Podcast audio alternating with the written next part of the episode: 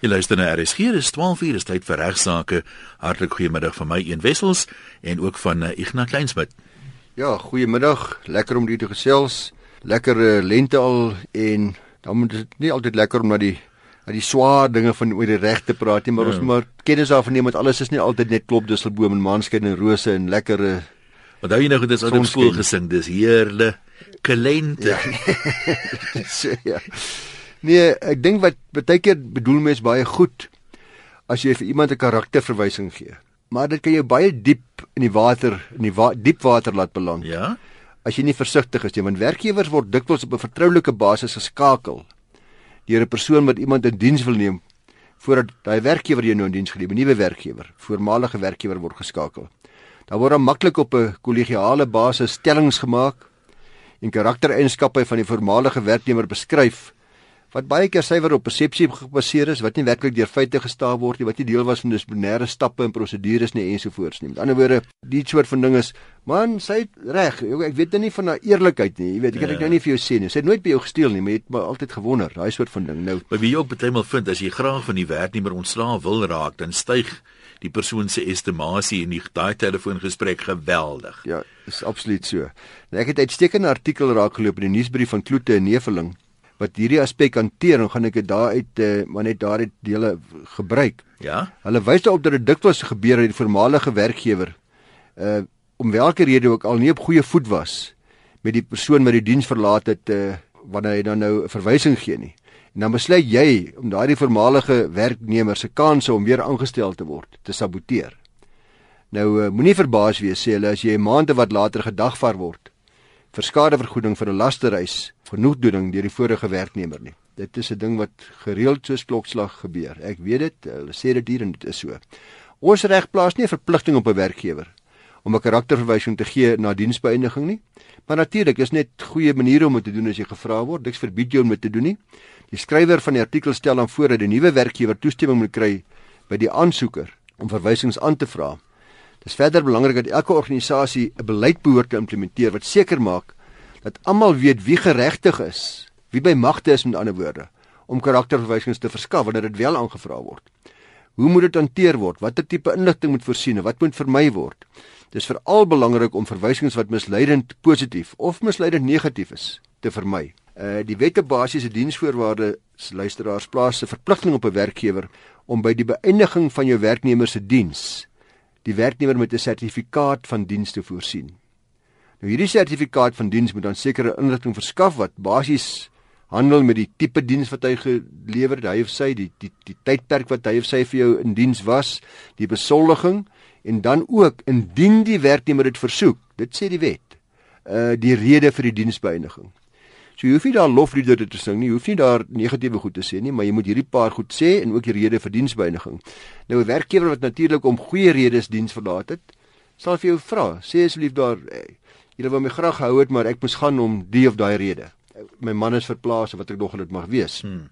En en dit is wat jy dan moet kyk as jy nou na die die nuwe werkgewer is.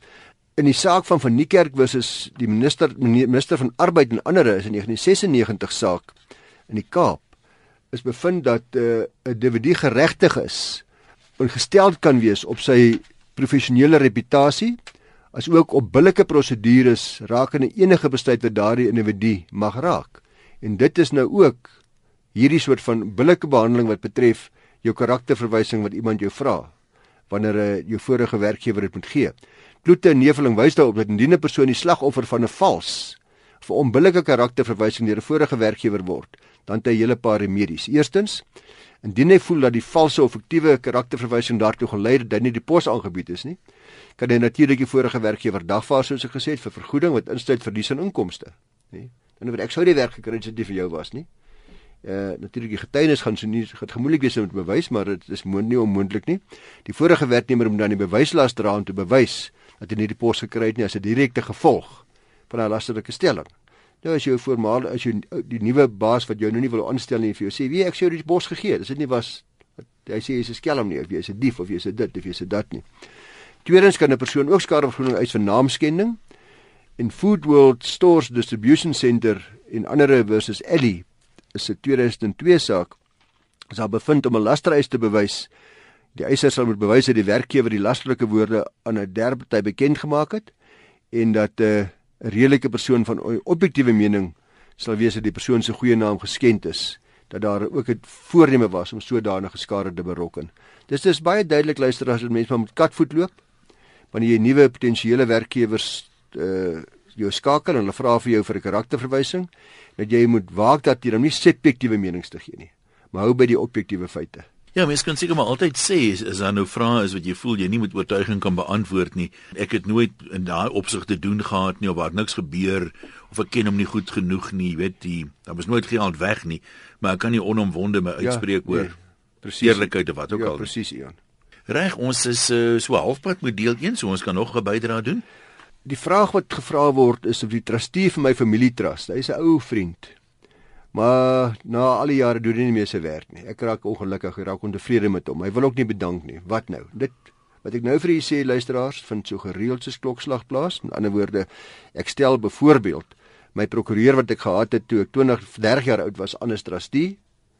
Uh dan trek ek 500 km weg en ek ken nie meer die prokureur nie. Ek het nou weer nuwe mense wat ek wat ek naby my getrek het, nuwe auditeurs en nou wil die vorige prokureur hy is moeilik om hom uit te kom en is in 'n geval half onwillig en half uh, en hy doen nie sy werk behoorlik nie en hy wil ook nie bedank nie. Nou ek het by twee geleenthede oor die afgelope jaar in my praktyk met hierdie probleem te doen gekry. In een geval was daar probleme tussen die twee trustees as gevolg van persoonlike finansiële lening wat die een aan die ander gemaak is en wat nie terugbetaal is nie. En hulle nou nie meer lekker saamgewerk nie. In die ander geval het die kliënt getrek, soos ek nou nou gesê het, wat die trustee die ouditeur was en het hy verkies om 'n ander ouditeur as nuwe dorp aan te stel. In beide gevalle het die vorige trustees geweier om te bedank. Nou in die nuusbrief weer eens van van 'n Merwe en 'n Tooi ingelys, dis prokureurs aan Pretoria, bekende firma. Het ek onlangs ook gelees uh, dat hulle ook hierdie probleem geworstel het en met daardie artikel as basis moet ek media laat uh, jy moet weet dat 'n trust bestuur in ooreenstemming met die trust aktes moet wees. Altyd. Jy moet jy kan 'n trust net hanteer binne die reëls van wat in daai trust akte staan. Dit word gedoen ten behoeve van die begunstigdes en dit word dan gedoen deur die trustees wat aangestel word. Maar dit is baie belangrik dat daai trustees moet saamwerk.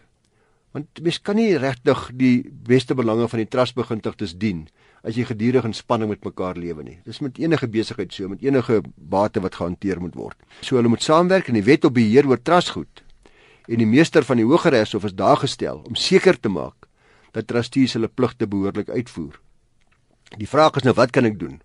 Doen 'n trustee nie sy mandaat uitvoer nie? En uh, die meester wil hom nie laat gaan nie en hy's ook nie bereid om te bedank nie. Nou om dit te antwoord is dit belangrik om te kyk presies wat die trust akte self bepaal eerstens. Indien daar bepaling is om so trustees te verwyder, moet die stappe dan gevolg word wat die trust akte sê want uh, ons is gebonde aan daai trust akte. Maar ek kan nie egter verseker dat die oorgrootste meerderheid van trust aktes glad nie met hierdie moontlikheid werk nie. Hulle voorsien dit nie.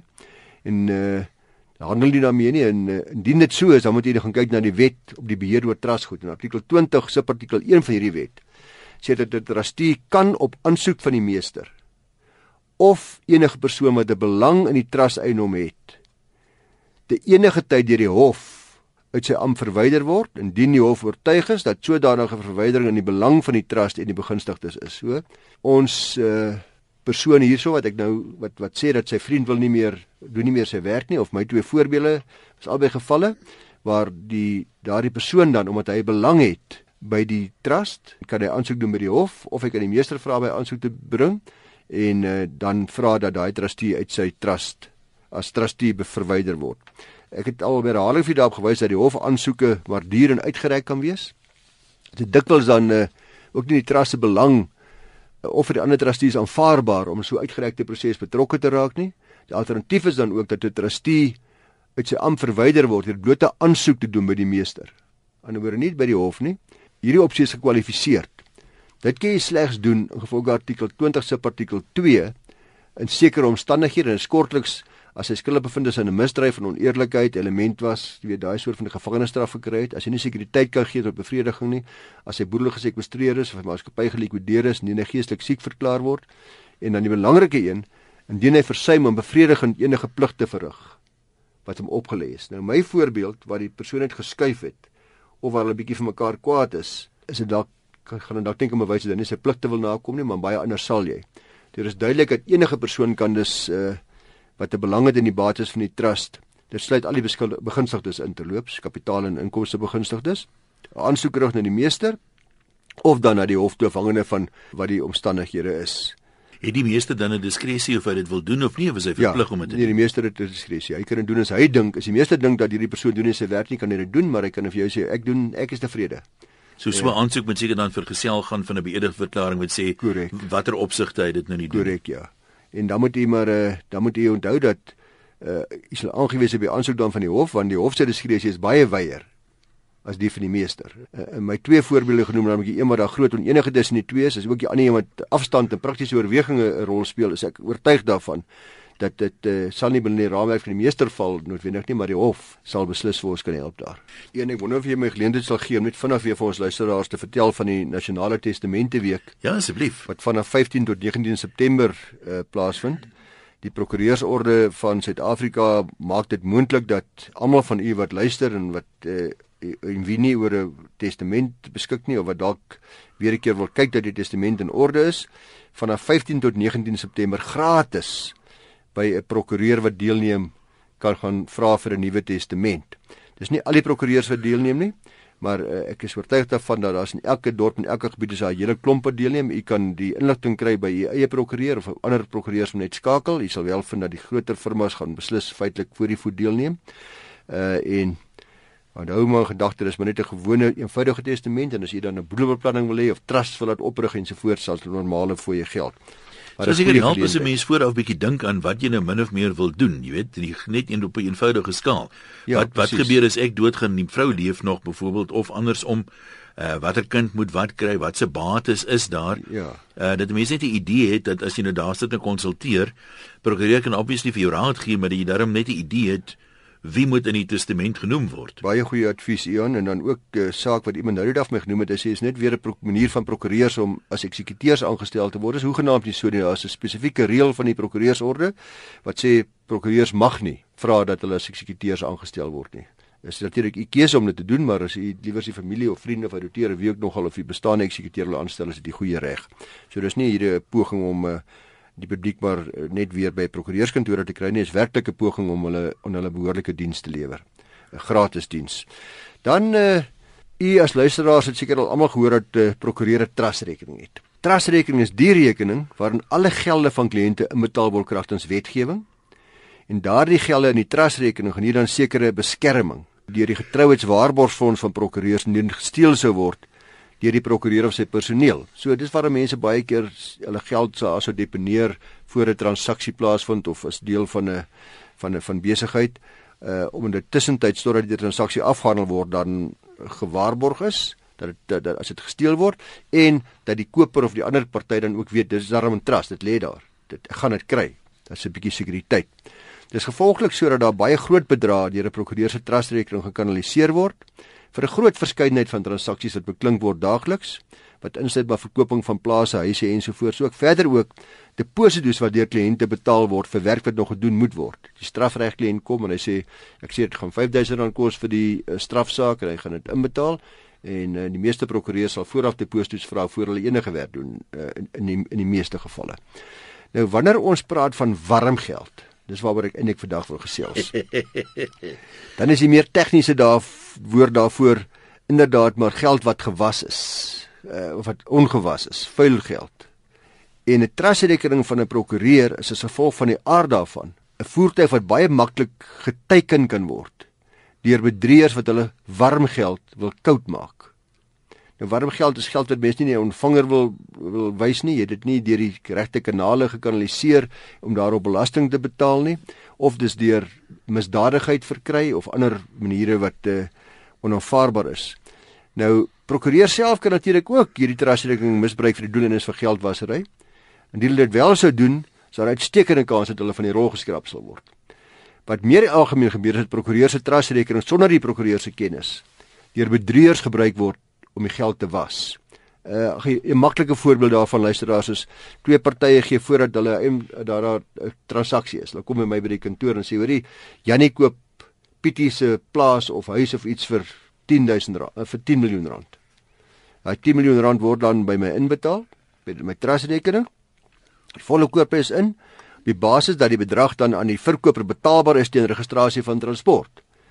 En 3 dae later kom hulle weer daaraan en sê nee, hulle het nou weer daaroor gedink. Hulle gaan dit hulle gaan 'n bietjie wag. Hulle gaan 'n jaar wag met hierdie transaksie. Koop is af. Koop is af, gaan nie deur nie. Uh en wat doen ek dan?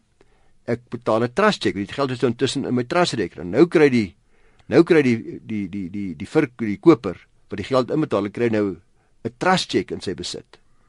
In plaas van die kontant wat hy inbetaal het uh nou nou is die geld skoon. Want hy kan nou vir eendag gewys hy het nou geld van 'n prokureur af gekry.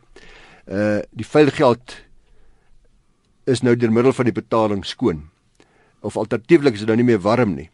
Daar's ander baie triks soos ons in Suid-Afrika en ook in die wêreld weet jy elke dag 'n nuwe geslepe plan wat mense maak wat deur kalante uitgedink word om ander uit te oorlê.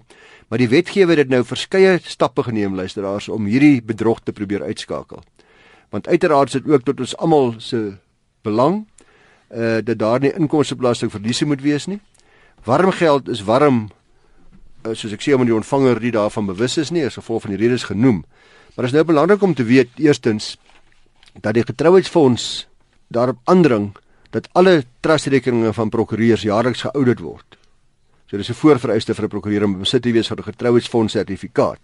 Daarsonder mag ek nie praktiseer nie.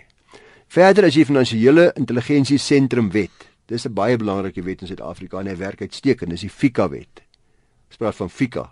Ons weet almal ons moet elke nou en dan met alle transaksies moet ons gefika word. FICA uh, is die finansiële intelligensie sentrum wet wat soos jy weet verseker dat partye behoorlik geïdentifiseer word en dat 'n behoorlike beheermaatreëls in plek is met transaksies. Dis nie net van toepassing op my trustrekening, prokureur se trustrekening nie, maar op almal van ons wat in besigheid betrokke is, almal. Met betrekking tot die ontvangs van kontant dat hy ou wat nou die 10 miljoen rand op doen kontant by my wil inbetaal. Ek mag dit nie meer aanvaar nie. Die wet sê spesifiek nou. Jammer. Uh dit moet gerapporteer word aan die betrokke uh, departement sodra daar kontant ontvang word. Ek dink was meer as 25000 rand. Ek weet nie of dit onlangs verhoog is na 50 nie, maar as daar meer kontant ontvang word as as as 25000 rand, banke het loops ook hierdie plig om dit aan die betrokke owerheid te rapporteer. En weer eens sal jy sien die doel is baie duidelik dat mense wat by kontant werk en dit nie 'n ontvanger openbaar nie, dat dit baie moeilik vind om hierdie warm geld koud te kry. Dis nou nie meer moontlik nie. Want almal het 'n 'n openbaarmakingsplig. Terloops indien jy hierdie rapporterings op openbaarmakingsplig nie nakom nie. Ek is nou onskuldig. Hier kom 'n ou in my kantoor en hy sê hy wil nou R60000 by ons kantoor in kontant inbetaal vir daai en daai transaksie. Ek is skuldig aan 'n misdaad en daar is 'n maksimum boete van 15 jaar en 10 miljoen rand as ek dit nie rapporteer aan die nodige owerheid nie. So is 'n verskriklike hoë boete. So ons, ek weet dat prokureurs sal nie ligtelik kontant aanvaar by hulle kantore nie en banke beslis ook nie sonder om dit dadelik te rapporteer nie. Uh, en wat 'n ander interessante aspek is, jy mag nie vir die persoon wat dit inbetaal het vertel dat jy dit gaan rapporteer nie. Hierdie so, prokureur kom sê meneer, ek uh, moet dit nou rapporteer, ek is nee, verplig niks nee, nie. Nee, jy jy moet stil bly, jy moet die geld vat en rapporteer. Nou dit het natuurlik 'n bietjie van invloed op die prokurering en privilegie want jy kom by my maar die wet sê jammer ek het vrede met die privilegie as daar geld weer inbetaal word meer as die bedrag wat ek nou nie weet presies wat dit op die oomblik is nie dan het jy 'n probleem uh, meneer Kleinsmid dan gaan jy geskraap word van die rol ook waarskynlik. Afgesien daarvan gaan jy uh, is 'n misdaad boete van 15 jaar gevangenisstraf of 10 miljoen rand. Wat verskriklik is. Nou Jy sal begryp dat hierdie verpligting in 'n wig inslaan tussen 'n prokureur en sy kliënte of 'n ander besigheidsman en sy kliënte. Vertrouensverhouding kan dit raak. Normaalweg sal prokureurs bloot botweg weier om kontant ontvang voor ek die anders moet ek rapporteer. En dit wil ek nie graag doen nie, so ek sê hoorie, gaan wat al by die bank in en kom jy laat die bank nou maar die oorplasing doen of wat ook al ja. Die oorplasing van hulle kant af doen. Nou moet ek sê tot op datum wil dit wel voorkom as 'n prokureur hierdie wetgewing baie goed nakom. Daar's baie enkele gevalle waar prokureurs vervolg was vir geldwasery in Suid-Afrika sover van Afrika in werking gekom het. Daar is ook baie mense wat sê daar's ongelukkig onbehoorlike wetstoepassing wat hierdie wet betref. Dit word nie baie streng toegepas nie. Ek sal nie regtig weet nie. Al my plan van Fika as jy weet, ek het nou al 3 keer my adres verander by die bank. Elke slag Fika hak en as ek oor 'n 6 maande by hulle kom het hulle nog die ou adres. Die irritasie van almekaar. As ek dit kan regstel. En elke liewe rekeningkie wat ding wat jy doen, moet jy weer van voor af weer jou uh, ID stuur en weer gesertifiseer ja, en weer dit doen ja. en weer dat doen. Is nog nee, ek ek verstaan nie hoekom dit vir 'n bank onmoontlik is om 'n adresverandering nou eenmal en klaar te doen nie. Want jy weet nou bel jy die inbelsentrums nou wil hulle net seker maak as jy Nou vra hulle wat is jou telefoonnommer byvoorbeeld en wat is jou fisiese adres? Gee die adres en sê hulle nee, dis nie jy nie. Ja. Dis nou die vorige adres nog. Ek nou mos kan nog iets korts inpas. Baie kort net uh die vraag is of mense 'n uh, verkoper as jy 'n huis koop of jy hom voor die tyd kan betaal of moet betaal. Hy vra dan so mooi. En dis seker 'n goeie vriend en jy koop sy huis nou by hom en hy vra ag ek het nou eerste 100 000 rand nodig. Wil jy net so blou vir my direk gee nie. Nou dis nou voor registrasie. Daar is groot risiko's. Ek beveel dit glad nie aan nie. Ek keur dit in sterkste af. Want die grootste risiko luisteraars hieraan verbonde is dat die verkoper voor registrasie insolvent verklaar kan word. Hy gaan bankrot of dat die verkoper voor registrasie te sterwe kom, sy boedel insolvent dalk is. Uh uit die koper se oogpunt bly die veiligigste opsie dus om eerder die kontantfonds die fondse vir die koopprys by 'n prokureur in te betaal in trust sodat dit met registrasie van die verkoper eers uitbetaal word. Dan lê dit daar, dis 'n trust, soos ek nou nou gesê het. Indien die verkoper aan insolvent verklaar sou word, my geld is nou daar, ek koop jou huis vir 5 miljoen rand, ek het my ek het my geld daar ingesit in die rekening van die prokureur. Dan sal die eiendom val in insolvente boedel. Uh as ek daarna nou bankrot sou gaan voor registrasie, die kurator in die geval van 'n natuurlike persoon of die likwidateur in die geval van 'n maatskappy of 'n BK, het dan 'n keuse of hierdie ooreenkoms gaan nakom of repudieer. Waar hy honoreer, dan gaan die kontrak aan soos normaalweg, geen probleem hoegenaamd nie. Uh verder alles almal doen hulle verpligtinge soos altyd. As jy repudieer, dan gaan ons dan gaan die kontrak nie afgedwing word nie. In die geval het die koper uh, moontlike konkurrente uit verskadevergoeding wat ek terselfde die moeite werd gaan wees, soos weer daai 10 sent in die rand storie. Uh want dis 'n insolvente boedel en dit beteken jy moet nou maar saam met die ander uh eisers aan die onversekerde skuldeisers moet jy in die ry gaan staan om jou deeltjie van die geld te kry. In 'n hofsaak naamlik Rally BP Property CC versus die Wet NO en ander, as dit 2014 saak bevestig die hof dat die likwidateur gedwing kan word om oordrag van eiendom te gee waar dit uit die kommunikasie tussen hom en die kopers duidelik geword het dat hy inderdaad besluit het om die kontrak te honoreer. So een sodra hy besluit het hy gaan aan met die kontrak, dan het hy 'n probleem. Dan het hierdie hofsaak gesê meneer sorry, jy het klaar besluit. Jammer jy moet maar nou die, jou besluit nou moet nou nagevolg word en dan kan hy gedwing word om voort te gaan om my kontrak uit te voer. Maar nou kan jy sien hoe gevaarlik is dit om my kontrak om my geld direk te gee vir iemand en sodra iemand jou vra vir die geld vooruit dan moet daar iewers 'n rooi liggie aangaan, dan moet iewers 'n alarmpie in jou sein afgaan wat vir jou sê, "Hey, wees versigtig." Hoekom kan hy nie maar 'n maand of 3 wag vir sy geld uit die transaksie uit by registrasie nie? Hy het finansiële probleme. Sodra jy finansiële probleme dan is daar weer die moontlikheid van 'n insolventie of likwidasie. So uh, asseblief moenie in daai slag gaan trap nie. Sien hoe so 'n bedrag word in trust inbetaal en net die koop of die verkoop gaan nou eers deur oor 'n maand of twee. Dra dit enigstens rente in 'n trust rekening? Ja, eh, goed, baie dankie vir die vraag. Een die situasie is dat uh, daar's 'n artikel 78 in hakies 2 in hakies hoofletter A wat voorsiening daarvoor maak in die wet prokureurs wat voorsiening daarvoor maak dat die party wie se geld gedeponeer word in trust kan vra dat daardie geld vir sy krediet in 'n spesiale rentedraende rekening belê word. Dis die 782 groot A rekening en daardie geld het dan dieselfde beskerming terwyl hy rente verdien as wat die trustgeld normaalweg in 'n prokureur se trust rekening het. Dit word dan net so beskerm deur die getrouheidswaarheidsfonds en dit word in feitelik alle transaksies. Ek sou sê bitter min transaksies waar waar die geld nie dadelik belê word vir die voordeel van die uh van die persoon wat die wat die geld moet kry nie. Wat wel ook so is dat die geld wat dan nou nie op 782A belê is nie, wat verdien ook rente by die bank, maar al daardie rente gaan aan die getrouheidsfonds se prokureurs toe en daaruit word geld dan betaal van mense wie se geld gesteel word deur prokureurs. Wat daar dieftige prokureurs is of hulle personeel, dan daai rente gaan dus word dus gepool dus vir die voordeel van die publiek van Suid-Afrika. Daar's ook baie ander goeie goed wat daarmee gedoen word. Onder andere word uh, ek is nog betrokke by die beursfonds van die van die getrouheidsfonds waar ons elke jaar miljoene der miljoene rande se beurse toeken aan uh, derde en vierde jaar LLB studente. Ook in universiteite se professore word gesubsidieer. So dan word dit baie goeie geld met die met, met die rente wat dan nou nie aan die aan die aan die kliënte oorgaan nie. Maar die persepsie of die wanpersepsie uh dat prokureurs enigsins daaruit iets kry, dis foutief. Daar is geen 'n prokureur verdien nie een enkele sent op trustgelde nie. Ek gee man dis 'n vaste rentekoers landwyd by al die prokureurs, maak nie saak waar jy bank of wat ook al nie. Ja, ek wens dit was so. Ons probeer al vir baie lank om dit reg te kry met die verskillende banke en om die banke ook so ver te kry om te kontrakteer met die getrouheidsfonds om seker te maak dat daar billike rentekoerse op hierdie gelde betaal word. En ek dink die meeste groot banke het oor die laaste paar jaar wel uiteindelik uh, spesifieke pakkette aangebied vir uh, vir die prokureursordes en vir die getrouheidsfonds sodat daar dis 'n redelike rente maar is nie naby vergelykbaar met dit jy sou kry op 'n belegging nie. Ja. Nou maar daar het tyd mee uitgeloop voorstelle vir onderwerpe igna by ffd.co.za. Dankie aan die prokureursorde van Suid-Afrika wat die program moontlik maak.